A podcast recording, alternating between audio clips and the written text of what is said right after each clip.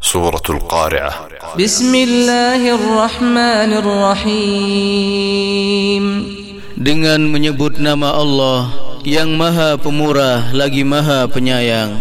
القارعة ما القارعة Hari kiamat. Apakah hari kiamat itu? وما أدراك ما القارعة Dan tahukah kamu apakah hari kiamat itu?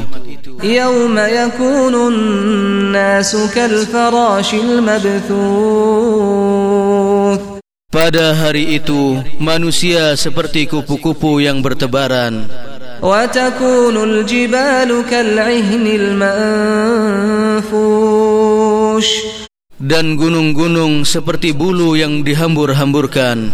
فأما من ثقلت موازينه فهو في عيشة راضية Dan adapun orang-orang yang berat timbangan kebaikannya, maka dia berada dalam kehidupan yang memuaskan.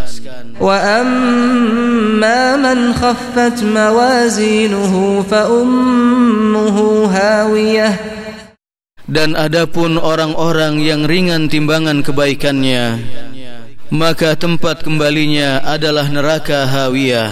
وما أدراك ما هي Dan tahukah kamu apakah neraka Hawiyah itu? نار حامية Yaitu api yang sangat panas.